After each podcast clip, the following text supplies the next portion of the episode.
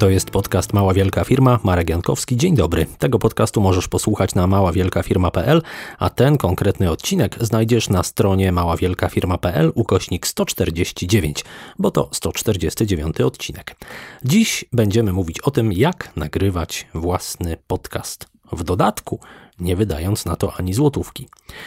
Zacznijmy od tego, co to jest podcast. To trochę może niezbyt ambitne pytanie biorąc pod uwagę, że właśnie słuchasz podcastu, ale dla porządku wyjaśnię. Podcast to jest seria nagrań, która składa się z kolejnych odcinków, które to odcinki automatycznie pojawiają się na stronie internetowej albo w odpowiedniej aplikacji. Podcast może mieć formę audio albo wideo, natomiast podcasty dźwiękowe są dużo bardziej popularne i dlatego na nich się dzisiaj skupię. Jeżeli chodzi o tematy podcastów, to tutaj pole do popisu jest praktycznie nieograniczone. W 2015 roku w iTunes, największej wyszukiwarce, największym katalogu podcastów, najpopularniejsze były podcasty o tematyce, uwaga, chrześcijańskiej i muzycznej. Ale wcale nie musi tak być, bo na przykład w Polsce całkiem popularne są podcasty dotyczące nauki języka angielskiego przygotowywane przez BBC, więc nie ma tutaj żadnej reguły. To dość mocno może się różnić w zależności od kraju i od choćby tego, jak bardzo dojrzały jest rynek podcastowy w danym kraju. No i właśnie, jeżeli chodzi o dojrzałość tego rynku. W Polsce nie mamy niestety żadnych konkretnych danych dotyczących popularności podcastów, ale widać i jeżeli chodzi o liczbę słuchaczy, jeżeli chodzi o liczbę nowych podcastów pojawiających się, że zainteresowanie tym medium rośnie. Mogę powiedzieć po podcaście Mała Wielka Firma, że w sierpniu 2016 roku miał on około 30 tysięcy odsłuchań, a dla porównania w ostatnim miesiącu, a dokładnie między 23 grudnia a 22 stycznia, było to już ponad 40 tysięcy, czyli 1 trzecia więcej. Przy czym, co też dość istotne, ten okres obejmował Boże Narodzenie, Nowy Rok, Sylwestra, więc taki czas raczej mało pomyślny, mało mm, aktywny, jeżeli chodzi o słuchanie przynajmniej podcastów biznesowych. Nie wiemy, w jakim kierunku to się w Polsce rozwinie, ale jeżeli będziemy, tak jak wiele innych rzeczy marketingowych, czerpać ze wzorców amerykańskich, no to przyszłość wydaje się naprawdę świetlana. Dlatego, że e, w roku 2016 w Stanach Zjednoczonych, jak wynika z badań, 55% Amerykanów badanych w wieku 12 plus przyznawało, że zna określenie podcasting. Natomiast 21%, czyli co piąty badany, słuchał podcastów w miesiącu poprzedzającym to badanie. I nie było to słuchanie jakieś sporadyczne, bo przeciętny Amerykanin, ten, który słucha, słucha podcastów całkiem intensywnie, słucha pięciu tytułów tygodniowo. Więc jeżeli myślisz o stworzeniu własnego podcastu, to nie ma na co czekać, dlatego że z każdym tygodniem, może nie, może z każdym miesiącem, konkurencja w tej branży będzie najprawdopodobniej coraz większa. Przybywa różnego rodzaju porad dla podcasterów, pojawiają się konferencje, pojawiają się grupy dyskusyjne. Widać, że jest zainteresowanie tym tematem i jeżeli będziesz odkładał te decyzje, to będzie ci już później tylko trudniej się przebić. W tej chwili jeszcze jest e, całkiem, całkiem nieźle. Pytanie brzmi, po co tak naprawdę miałbyś nagrywać swój podcast? Otóż moim zdaniem jest to świetne narzędzie do budowania marki osobistej. Dlaczego? Dlatego, że dobra marka osobista spełnia takie trzy kryteria, o których już parę razy wspominaliśmy w podcaście przy różnych okazjach, ale sprawia, że ludzie cię poznają, sprawia, że ludzie cię zaczynają lubić i nabierają do ciebie zaufania. Jak można to osiągnąć za pomocą podcastu?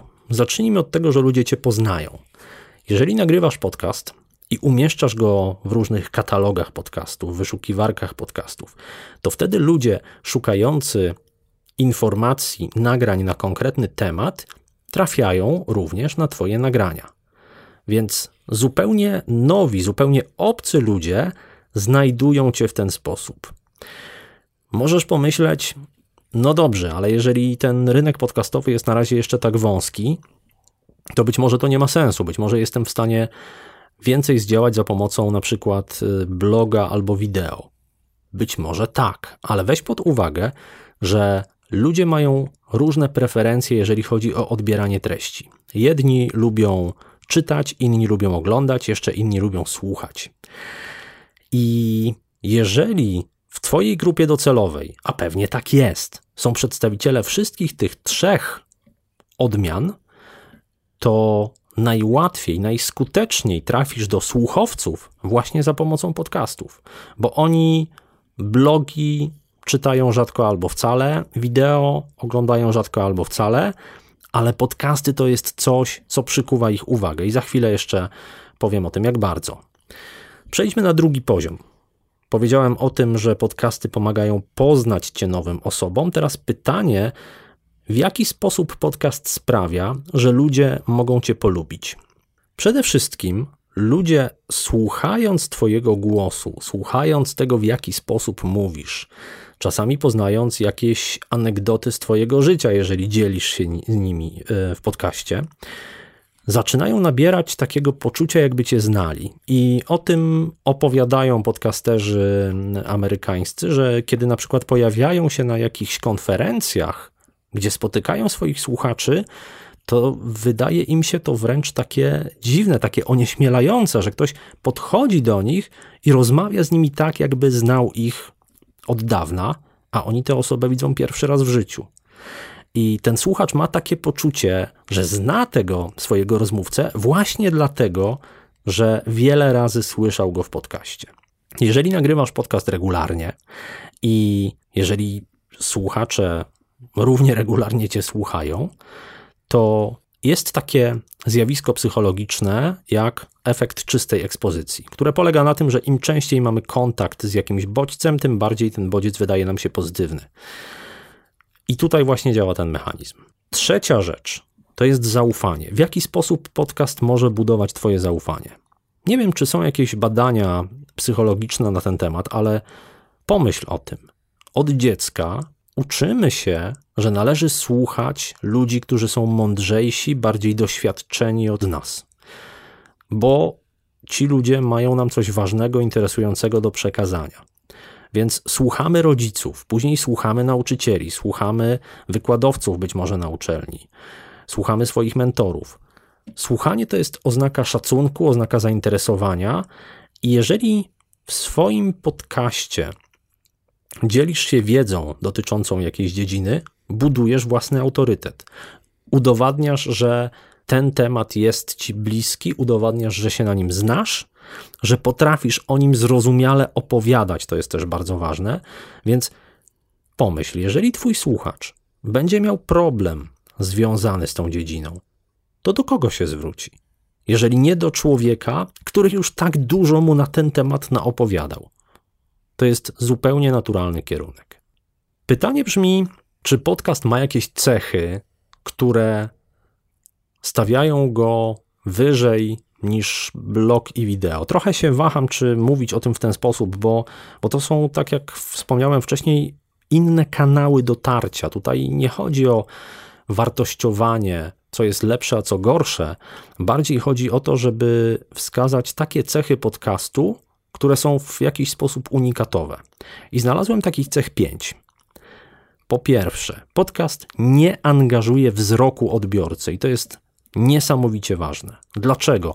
Dlatego, że dzięki temu podcastu można słuchać i w tym samym czasie robić coś innego. Nie wiem, co ty robisz teraz, ale być może prowadzisz auto, może prasujesz, może gotujesz, może malujesz mieszkanie, może skręcasz meble z Ikei, może biegasz. Więc podcast jest świetnym rozwiązaniem dla ludzi, którzy chcą być produktywni, chcą lepiej wykorzystywać czas, który w przeciwnym razie byłby nie w pełni wykorzystany.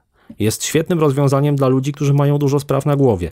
Jeżeli twoi docelowi klienci, twoja grupa docelowa to są właśnie tacy ludzie, którzy nie mają czasu i chcieliby być bardziej produktywni, to myślę, że zdecydowanie podcast jest medium dla ciebie. Druga unikatowa cecha podcastu to jest to, że on zajmuje przez długi czas. Zwykle odcinki małej, wielkiej firmy mają około pół godziny. Ostatnio zdarza się, że trochę nawet więcej. I nie wiem jak ty, ale ja naprawdę nie pamiętam, kiedy ostatnio przeczytałem, czy inaczej, kiedy poświęciłem pół godziny na czytanie jakiegoś jednego bloga i czytałem dokładnie zdanie po zdaniu. Teksty w internecie zwłaszcza raczej się skanuje, raczej przeskakuje się po akapitach, szukając jakiegoś konkretnego wątku. Podcastu słucha się zwykle w całości.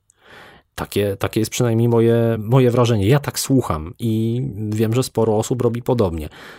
Czasem jest tak, że ktoś słucha w przyspieszonym tempie, ale to nie zmienia faktu, że nie skacze po 30 sekund czy, czy 3 minuty do przodu, tylko słucha po kolei tego, co masz mu do powiedzenia. Jeżeli chodzi o wideo, no to tutaj bywa różnie. Pewnie, jeżeli jest jakiś interesujący film, to ktoś jest w stanie poświęcić nawet więcej niż pół godziny na to, żeby go obejrzeć, ale w przypadku takiego przekazu, gdzie mówimy, przekazujemy pewną wiedzę, no to jest to dość trudne, zwłaszcza, że mówimy tutaj o wideo internetowym, gdzie samo urządzenie, za pomocą którego odbiorca konsumuje tę treść, no jest, jest pełne rozmaitych rozpraszaczy. Ciągle dostajemy jakieś powiadomienia o nowych mailach, o informacjach na Facebooku, przychodzą jakieś SMS-y, ktoś dzwoni, więc trudno jest wyłączyć się, znaczy można to zrobić technicznie oczywiście, prawda? Można, można się odciąć, wyłączyć powiadomienia i obejrzeć to wideo, tylko chyba mało kto tak robi, więc ta treść jest też taka trochę szarpana. Trzecia unikatowa cecha podcastu to jest to, że wygodnie korzysta się z niego, wygodnie słucha się go w telefonie. Jeżeli chodzi o teksty na blogach, no to czytanie z małego ekranu jest dosyć mało wygodne, jest męczące po prostu. Wideo też dużo lepiej wygląda na wielkim ekranie, a w przypadku audio rozmiar nie ma żadnego znaczenia. I w dodatku każdy przez cały czas właściwie ma przy, sobie odpowiednie urządzenie. Więc jeżeli stoisz w kolejce, która, która nagle się wydłuża, czy utkniesz w korku na autostradzie, coś się przesunie i masz, nie wiem, 5, 10, 15 minut, albo nie wiesz ile minut czasu, możesz sobie włączyć podcast i go posłuchać, wypełnić ten czas podcastem. Czwarta cecha podcastu jest taka, że trafia on prosto do słuchacza. Jeżeli słuchacz subskrybuje dany podcast, to nowe odcinki automatycznie pojawiają się w jego telefonie. Nie dostaje powiadomienie tylko o nowym odcinku, dostaje nowy odcinek.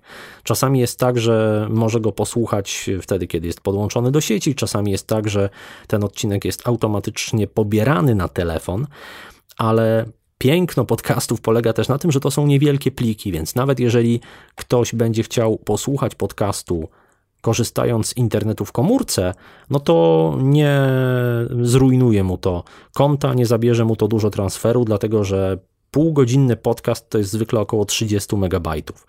Jedna minuta, jeden megabajt, tak to można przeliczać, więc to naprawdę nie są jakieś duże objętości. I ostatnia, piąta cecha. Podcast z jednej strony jest medium bardzo osobistym, dlatego że słuchacz poznaje Twój głos, ale z drugiej strony ciągle zachowujesz swoją prywatność inaczej niż na przykład w przypadku wideo. Wiele osób ma problem z mówieniem do kamery. Czują się wtedy nieswojo, wiedzą, że muszą w jakiś sposób kontrolować mimikę, że muszą się jakoś ubrać i tak dalej. Natomiast jeżeli chodzi o podcast, nie ma żadnego problemu. Możesz siedzieć e, w, nie wiem, w piżamie na przykład na łóżku i nikt nie będzie o tym wiedział. Zachowujesz ten osobisty kontakt ze słuchaczem za pomocą głosu, ale nie musisz dostosowywać całej swojej postaci, całego swojego wizerunku do tego, żeby ta osoba odebrała cię jako profesjonalista na przykład. Operujesz tylko i wyłącznie głosem. Przejdźmy teraz do spraw technicznych. Czego potrzebujesz, żeby nagrać podcast? Jeżeli kiedykolwiek ten temat Cię interesował i szukałeś w sieci takich informacji, to mogłeś się przerazić, bo rzeczywiście jest tam mowa o rozma rozmaitych e, mikrofonach, mikserach, kablach, uchwytach, statywach, filtrach i tak dalej, i tak dalej, i tak dalej. I oczywiście można sobie taki sprzęt sprawić, nie ma żadnego problemu. Ale nie zaczynałbym raczej od tego. Wiem, że są ludzie, których to motywuje. Jeżeli kupią sobie fajny sprzęt, wydadzą na niego pieniądze, to wtedy czują się bardziej zmotywowani, żeby niejako spłacił się ten wydatek i zaczynają nagrywać. Ale z drugiej strony, jeżeli zaczniesz kompletować takie wyposażenie, to może być yy, ciągnąca się w nieskończoność wymówka, żeby tego podcastu nie nagrywać. I po drodze z pewnością napotkasz rozmaite problemy. Czy to technicznie zdołasz ogarnąć, czy te kolejne elementy kupowane osobno, zwłaszcza, będą do siebie pasować. A co jeżeli uznasz, że jednak podcast to nie jest coś, co cię kręci i cały ten wydatek pójdzie na marne? Kiedy w 2009 roku zaczynaliśmy nagrywać z Pawłem Tkaczykiem podcast Mała Wielka Firma, to naszym jedynym sprzętem był MacBook Pawła i mówiliśmy do mikrofonu wbudowanego w klawiaturę tego komputera. Później montował to Paweł wtedy na takiej aplikacji GarageBand, która jest makową aplikacją produkowaną przez, przez Apple'a, fabryczną, można powiedzieć, w Macu. Oczywiście wtedy wymagania słuchaczy były inne. Oczywiście wtedy mm, dużo, dużo, dużo mniej osób słuchało podcastów, więc też nie było takich oczekiwań pod ich względem. Dzisiaj podcasty są produkowane przez y, BBC, RMF, przez naprawdę dużych, dużych nadawców, którzy narzucili trochę inne standardy, ale dzisiaj jest też tak, że każdy z nas ma do dyspozycji dużo lepszy sprzęt niż my mieliśmy wtedy. Poza tym sprzęt wcale nie jest najważniejszy, bo pierwszym kluczowym elementem, o którym powinieneś pomyśleć, zaczynając nagrywać, jest dobre pomieszczenie. I słowo daje, najlepszy mikrofon nie będzie dawał dobrego efektu, jeżeli ustawisz go w nieodpowiednim pomieszczeniu. Co to jest dobre pomieszczenie? Dobre pomieszczenie to jest takie, które jest dobrze wytłumione. To znaczy nie słychać w nim e, z jednej strony odgłosów z zewnątrz, nie słychać jakichś hałasów, na przykład z ulicy, chociaż to nie jest takie ważne, zaraz o tym powiem, ale z drugiej strony, i to jest ważne, żeby takie pomieszczenie pochłaniało dźwięk, który znajduje się w środku tego pomieszczenia. Ja w tej chwili jestem w pokoju hotelowym, nagrywam dzisiaj w Londynie. E, jestem w pokoju hotelowym, pokój jest niewielki, mm, jest tutaj jakaś gruba zasłona, jest łóżko, które zajmuje większą część pokoju i to sprawia, że ten dźwięk nie rozchodzi się, właściwie rozchodzić to może on się rozchodzi, ale on nie odbija się od ścian, bo możemy tak przyjąć dla uproszczenia, że dźwięk zachowuje się trochę podobnie jak woda. Są fale morskie i fale dźwiękowe, może to dlatego. Co to znaczy, że zachowuje się podobnie jak woda? To znaczy, że w jedne powierzchnie wsiąka, a od innych się odbija. Jeżeli masz dywan na podłodze, tu jest akurat wykładzina, jeżeli masz właśnie zasłony w oknach, jeżeli masz tapicerowane meble, jeżeli nagrywasz w sypialni, gdzie jest łóżko, to każdy taki element pochłania dźwięk. I do mikrofonu trafia tylko to, co mówisz. Nie ma żadnych obcych odgłosów, które powstają wokół. Ale gdybyś usiadł w pustym pomieszczeniu z gołymi ścianami, gdzie na podłodze będą kafle, to twój głos będzie się odbijał i będzie to brzmiało, zapewniam, dużo gorzej. Jeżeli chodzi o szum z ulicy, to tutaj nie ma takiego wielkiego problemu. Dlaczego? Dlatego, że twoi słuchacze też nie siedzą w sterylnej ciszy, no nie siedzą w bunkrze atomowym, słuchając y, z nabożną czcią każdego twojego słowa, tylko są, tak jak mówiłem wcześniej, w samochodzie, biegają, w parku, w różnych okolicznościach, gdzie też są jakieś szumy, też są jakieś odgłosy. Więc prawdopodobnie nawet nie zauważą, że część tych odgłosów pochodzi z nagrania. A jeżeli nawet, to nie jest to żadna wielka katastrofa. Odgłosy są tak naprawdę przeszkodą tylko w jednej sytuacji, kiedy chcesz montować materiał i go tniesz. Dlatego, że jeżeli powiedziałeś pół zdania i akurat w tle przejeżdżała karetka, potem się pomyliłeś, postanowiłeś nagrać to jeszcze raz od połowy zdania i karetka już przejechała, no to wtedy do połowy zdania będzie karetka, która nagle zostanie urwana i w drugiej połowie zdania będzie w tle cisza. Ale to są detale. Nie stresuj się, nie przejmuj się. To nie jest nic wielkiego. Ja jestem zwolennikiem tego, żeby nie przesadzać z taką sterylną czystością, jeżeli chodzi o wycinanie, tam, czy oddechów, czy jakichś takich pomyłek. Jesteśmy ludźmi i każdemu z nas zdarza się zastanowić, pomylić, przekręcić jakieś słowo. Nie ma katastrofy, jeżeli, jeżeli za każdym razem nie mówisz włącza albo jakie tam jeszcze jest popularne, przekręcane słowo. Nie wiem, permanentnie. Więc jeżeli nie popełniasz tego rodzaju pomyłek za każdym razem, albo poszłem, o. Jeżeli nie popełniasz takich pomyłek nagminnie, to nikomu nie będzie przeszkadzało, że gdzieś tam się przejęzyczyłeś czy coś takiego, to, to, są, to są drobiazgi. Poza tym to też można wyciąć. Jeżeli nawet tam ta karetka przejeżdżająca w tle gdzieś się utnie, to też świat się z tego powodu nie, nie zawali. Natomiast są pewne pułapki, jeżeli chodzi o pomieszczenie. I te pułapki, poza tymi ścianami, które odbijają, pustymi ścianami, to są różne dźwięki w tle, których ty możesz nawet nie słyszeć, a które będą słyszalne w nagraniu i będą wkurzać słuchaczy. To może być buczenie wentylatora w łazience, to może być klimatyzacja, która szumi, to może być lodówka, która brzęczy. Y, są czasami jakieś żarówki czy świetlówki, które tak piszczą i ty możesz nie zwracać na to uwagi, dlatego że jeżeli masz ciągle ten dźwięk w tle, to po prostu twój świadomy słuch go nie rejestruje, ale będzie to słychać na nagraniu, więc y, zwróć na to uwagę, zanim zaczniesz nagrywać i na przykład wyłącz wentylator w łazience, tak żeby nie buczał, kiedy ktoś z domowników postanowi akurat z niej skorzystać, kiedy będziesz nagrywać. Tyle o pomieszczeniu. Przejdźmy teraz do mikrofonu bo to jest chyba najczęściej zadawane pytanie przez osoby, które chcą zacząć nagrywać podcasty: jaki mikrofon mam kupić? No i takim ulubionym modelem amerykańskich podcasterów jest mikrofon, który nazywa się Blue Yeti. Bardzo fajny mikrofon, nie powiem.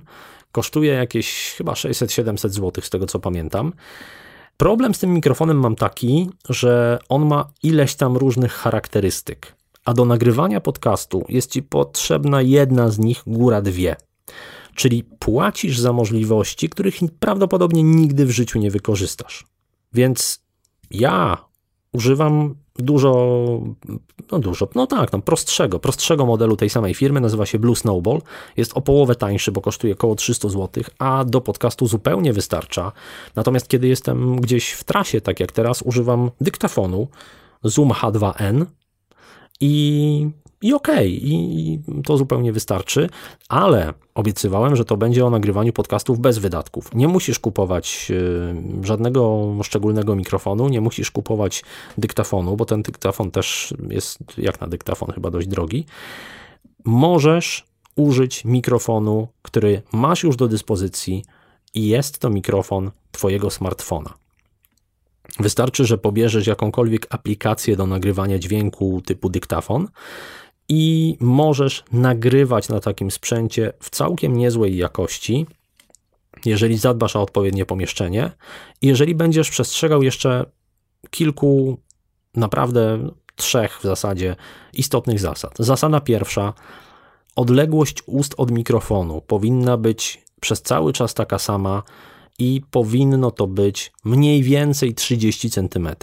Ja w tej chwili mówię trochę bliżej, to jest 30 cm mniej więcej, ale no ja pracowałem w radiu dość długo i mam doświadczenie. Zwykle jest tak, znaczy większość ludzi, którzy mówiliby do mikrofonu tak blisko jak ja, stukałaby w ten mikrofon i to by nie brzmiało dobrze. No, ja mam, mam trochę praktyki po prostu, więc około 20-30 cm to jest bezpieczna odległość, a jeżeli mówisz głośno, bo ja też mówię dość cicho, jeżeli mówisz głośno, to nawet, nawet ta odległość może być większa.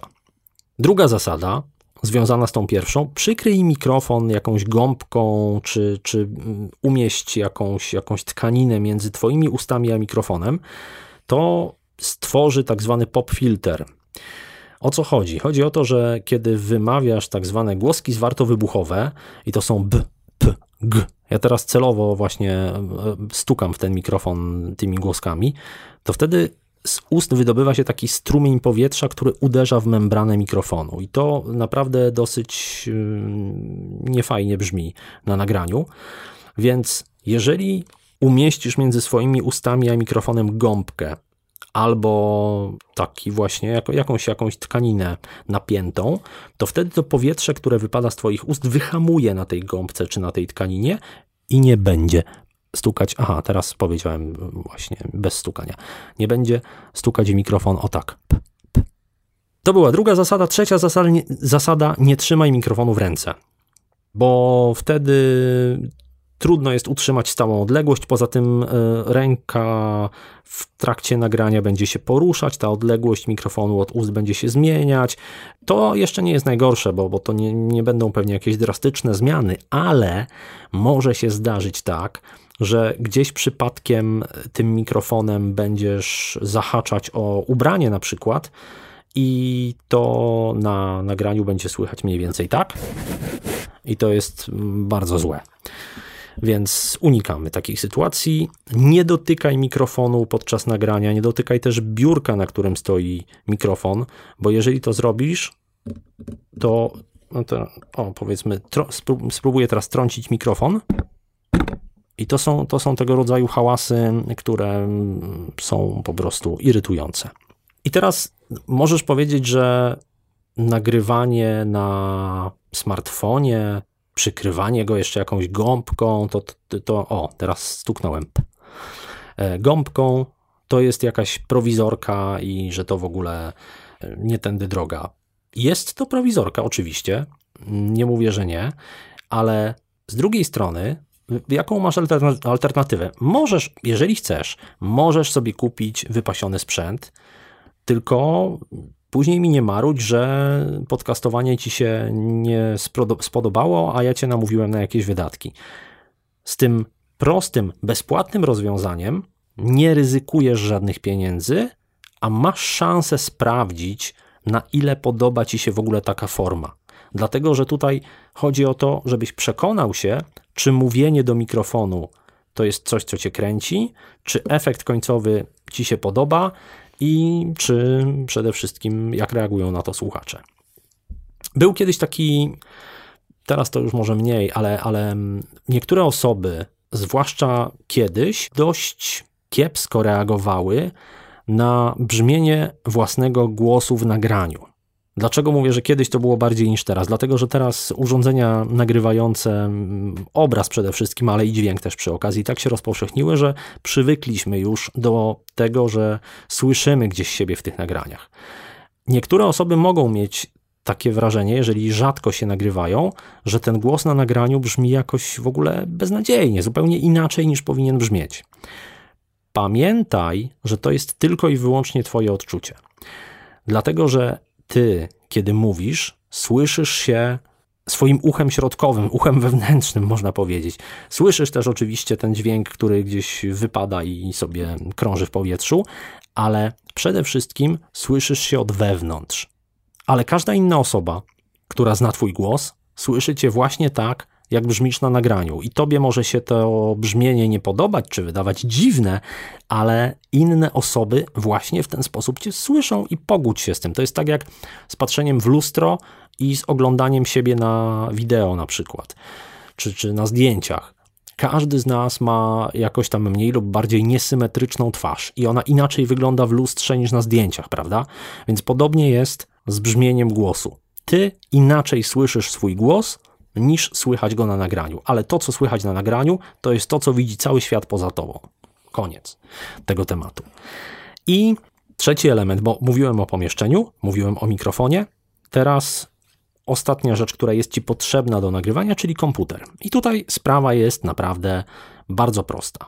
Nie ma znaczenia, czy masz komputer PC, czy masz Maca, w obu przypadkach możesz pobrać zupełnie legalnie aplikację, która jest darmowa, która nazywa się Audacity, na której można nagrywać i montować dźwięk. Jeżeli masz dyktafon, to być może razem tym z tym dyktafonem dostałeś też do pobrania jakiś link, możesz sobie ściągnąć też legalnie jakąś aplikację, która działa podobnie.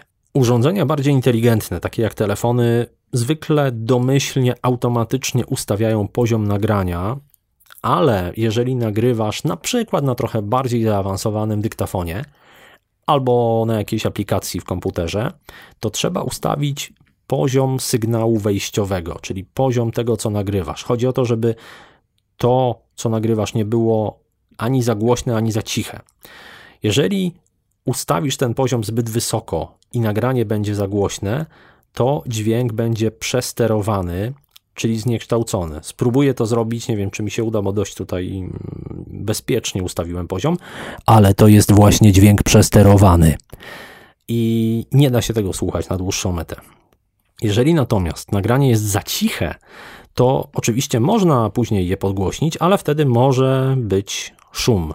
To tak jak z wywoływaniem zdjęć, że jeżeli zdjęcie jest niedoświetlone i próbujemy je rozjaśnić, to tam się pojawia, czy inaczej, jeżeli jest czułość za mała, to, to tam się pojawia ziarno czy coś. Nie, nie pamiętam, jak to dokładnie było z tymi zdjęciami. W każdym razie pojawiają się zakłócenia i w tym przypadku, jeżeli nagranie jest za ciche i próbujemy je podbić, żeby było głośniejsze, no to wychodzi przy okazji szum. Ale z dwojga złego lepszy szum niż przester.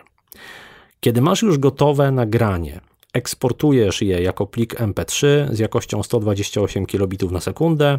To jest jakość, która w przypadku muzyki pewnie byłaby trochę za słaba, ale dla y, słowa mówionego spokojnie wystarcza. A pliki nagrane z taką jakością są, tak jak mówiłem wcześniej, niewielkie, więc łatwo je ściągać i to przez internet komórkowy również. Wymaga to trochę pracy nagranie podcastu, bo to nie jest tylko kwestia mm, tego, żeby usiąść przed mikrofonem i pogadać, chociaż niektórzy pewnie mają taki talent. Trzeba znaleźć jakiś temat, trzeba się zastanowić, co chcesz powiedzieć, trzeba to nagrać, trzeba to zmontować, zrobić opis, umieścić w sieci i przydałoby się to później jeszcze jakoś promować. Ale możesz się pocieszyć tym, że jest to i tak mniej roboty niż z wideo. Poza tym podcast to jest jednak inwestycja z mojego doświadczenia długoterminowa, dlatego że każdy, kto odkrywa Twój podcast w jakiejś aplikacji, która do tego służy, ma bardzo łatwy dostęp nie tylko do najnowszego odcinka, czy kilku najnowszych, ale też do całego archiwum. Jeżeli zbudujesz taką całą historię tych ciekawych nagrań, to dużo bardziej przyciąga nowych słuchaczy, bo oni czują tam pewne doświadczenie, widzą tam pewną głębię, wiedzą, że ty masz już jakiś dorobek i jeżeli nagrałeś tych odcinków tam 30 czy 50 czy 100, to świadczy o tym, że ci się chce, że masz pomysły, masz tematy i że ludzie tego słuchają, no bo raczej sam do siebie byś mm, tak długo nie gadał, prawdopodobnie. Ja mogę powiedzieć o podcaście Mała Wielka Firma, że nawet niektóre bardzo wczesne odcinki z 2009 czy 2010 roku są ciągle słuchane i to przez kilkaset osób miesięcznie, więc e, to naprawdę jest forma, która żyje. Przejdźmy teraz do ostatniego etapu, pomijając promocję, ale o niej już nie powiem, bo, bo to cała długa historia i to można by było naprawdę w nieskończoność. Jak opublikować podcast w sieci? Czyli OK, Znalazłeś pomieszczenie, mikrofon, komputer, odpaliłeś, nagrałeś, masz gotowy plik MP3. Co z nim zrobić? Taki plik MP3 wrzucasz na jakiś serwer. I są specjalne serwisy stworzone do tego, żeby umieszczać tam podcasty. To może być Spreaker, to może być SoundCloud, Libsyn, Podbean. Są wyspecjalizowane usługi, można powiedzieć, w internecie, które do tego służą i Stamtąd za pomocą kanału RSS podcast trafia do rozmaitych katalogów wyszukiwarek podcastów, takich jak iTunes, jak Stitcher, jak Podcast Addict. I to wbrew pozorom nie jest takie bardzo skomplikowane. Polega to tak naprawdę na wypełnieniu formularza. Jeżeli już za, za, zarejestrujesz się w jakimś serwisie, który służy do umieszczania podcastów, powiedzmy, że będzie to Spreaker. Mała wielka firma jest na Spreakerze od pewnego czasu. Więc jeżeli zarejestrujesz się na Spreakerze, wypełniasz formularz, gdzie podajesz informacje na temat swojego podcastu, czyli tytuł, autor, tematyka, kategoria i tak dalej. Takie zupełnie podstawowe informacje. Umieszczasz jakąś okładkę, jak to się nazywa, czyli grafikę tego podcastu i masz tam adres kanału RSS. Ten adres następnie umieszczasz e, w iTunes czy na Stitcherze na przykład. Odpowiednie linki podam w notatkach do tego odcinka. Przypominam adres małowielkafirma.pl ukośnik 149 i tyle. i pozostaje ci tylko wrzucać kolejne odcinki, czy to na tego Spreakera, czy na Lipsyn, czy, czy na dowolny inny serwer, gdzie trzymasz te pliki z podcastem i nie musisz robić już nic więcej, dlatego że i iTunes, i Stitcher, i inne serwisy automatycznie za pomocą kanału RSS widzą, że tam pojawił się nowy odcinek, automatycznie zasysają go do siebie i udostępniają słuchaczom. Ach, nagadałem się trochę. E, to by było chyba na tyle.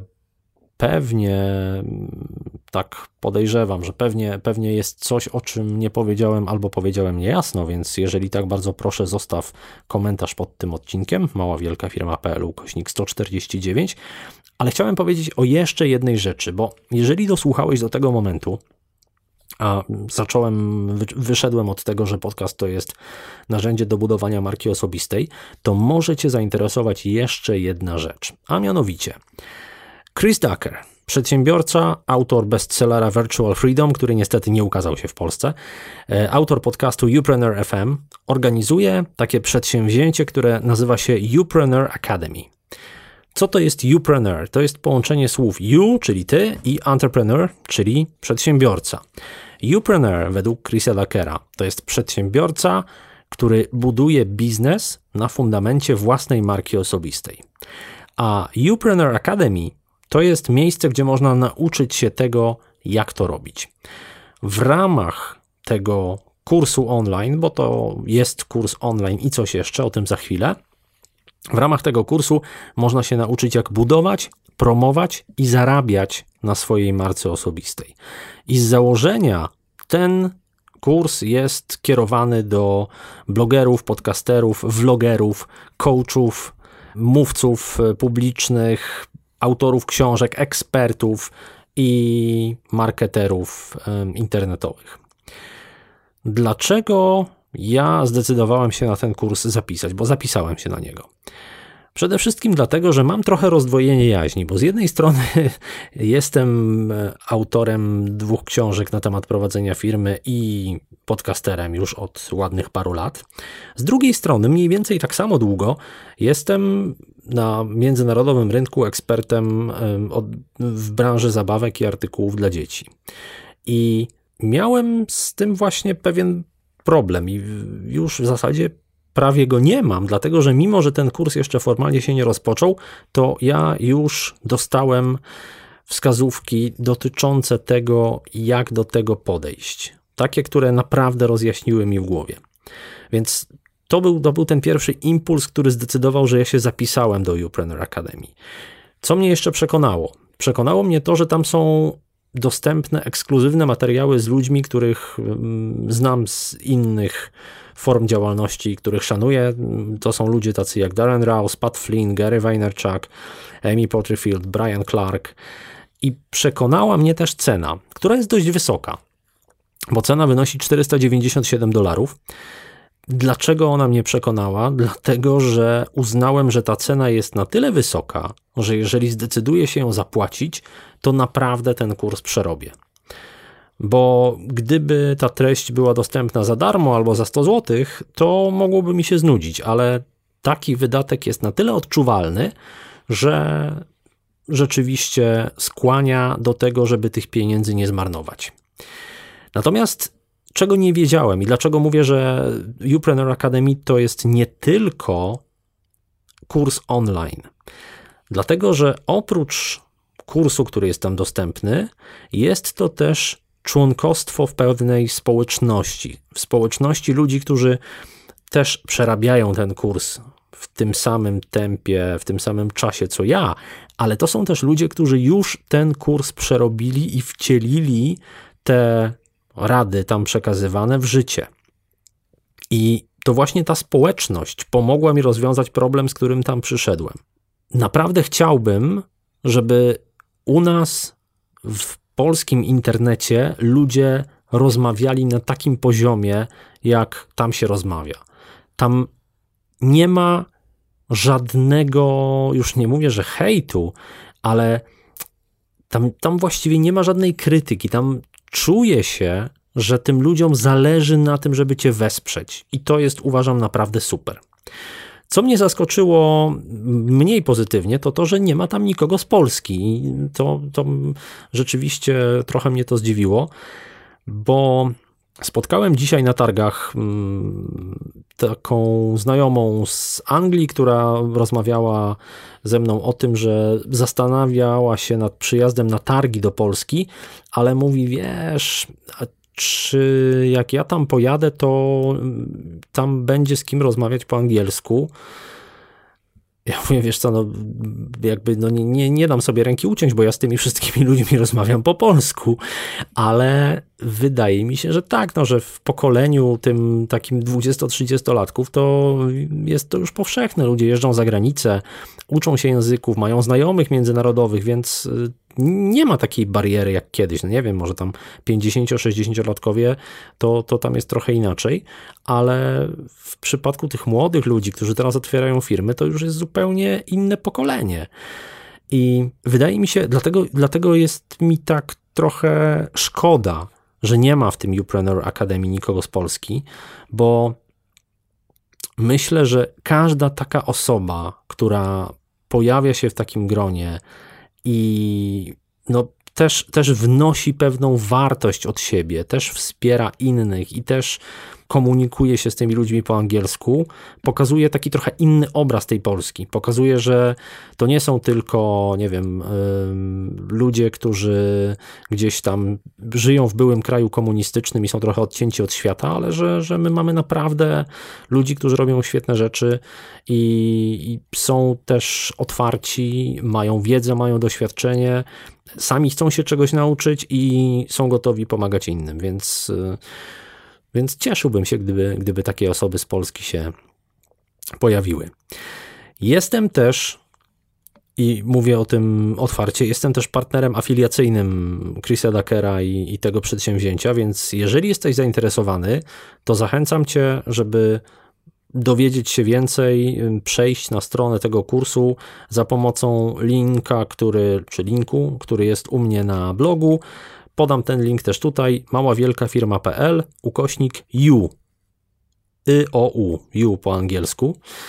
To jest link, który przekierowuje na stronę z ofertą tego kursu, gdzie wszystkie szczegóły są opisane, z czego on się składa i tak dalej, i tak dalej. Jeżeli wejdziesz przez ten link i zdecydujesz się kupić ten kurs, wtedy ja od Chrisa Lackera dostanę prowizję. Natomiast jeżeli to zrobisz, to mam coś ekstra dla ciebie tylko dla osób, które zapiszą się na Upreneur Academy, a termin mija z końcem stycznia 2017, więc czasu zostało niewiele. Specjalnie dla tych osób zorganizuję specjalny webinar na temat tego, jak ja w swojej firmie w praktyce wykorzystuję mechanizmy, dzięki którym odbiorcy mogą poznać moją markę, polubić ją i zaufać jej. I to jest jeden bonus. A drugi bonus Każda osoba, która przez ten link zapisze się do Upreneur Academy, dostanie ode mnie godzinną darmową konsultację przez Skype'a dotyczącą stworzenia czy rozwijania czy to własnego bloga, czy własnego podcastu, czy jednego i drugiego.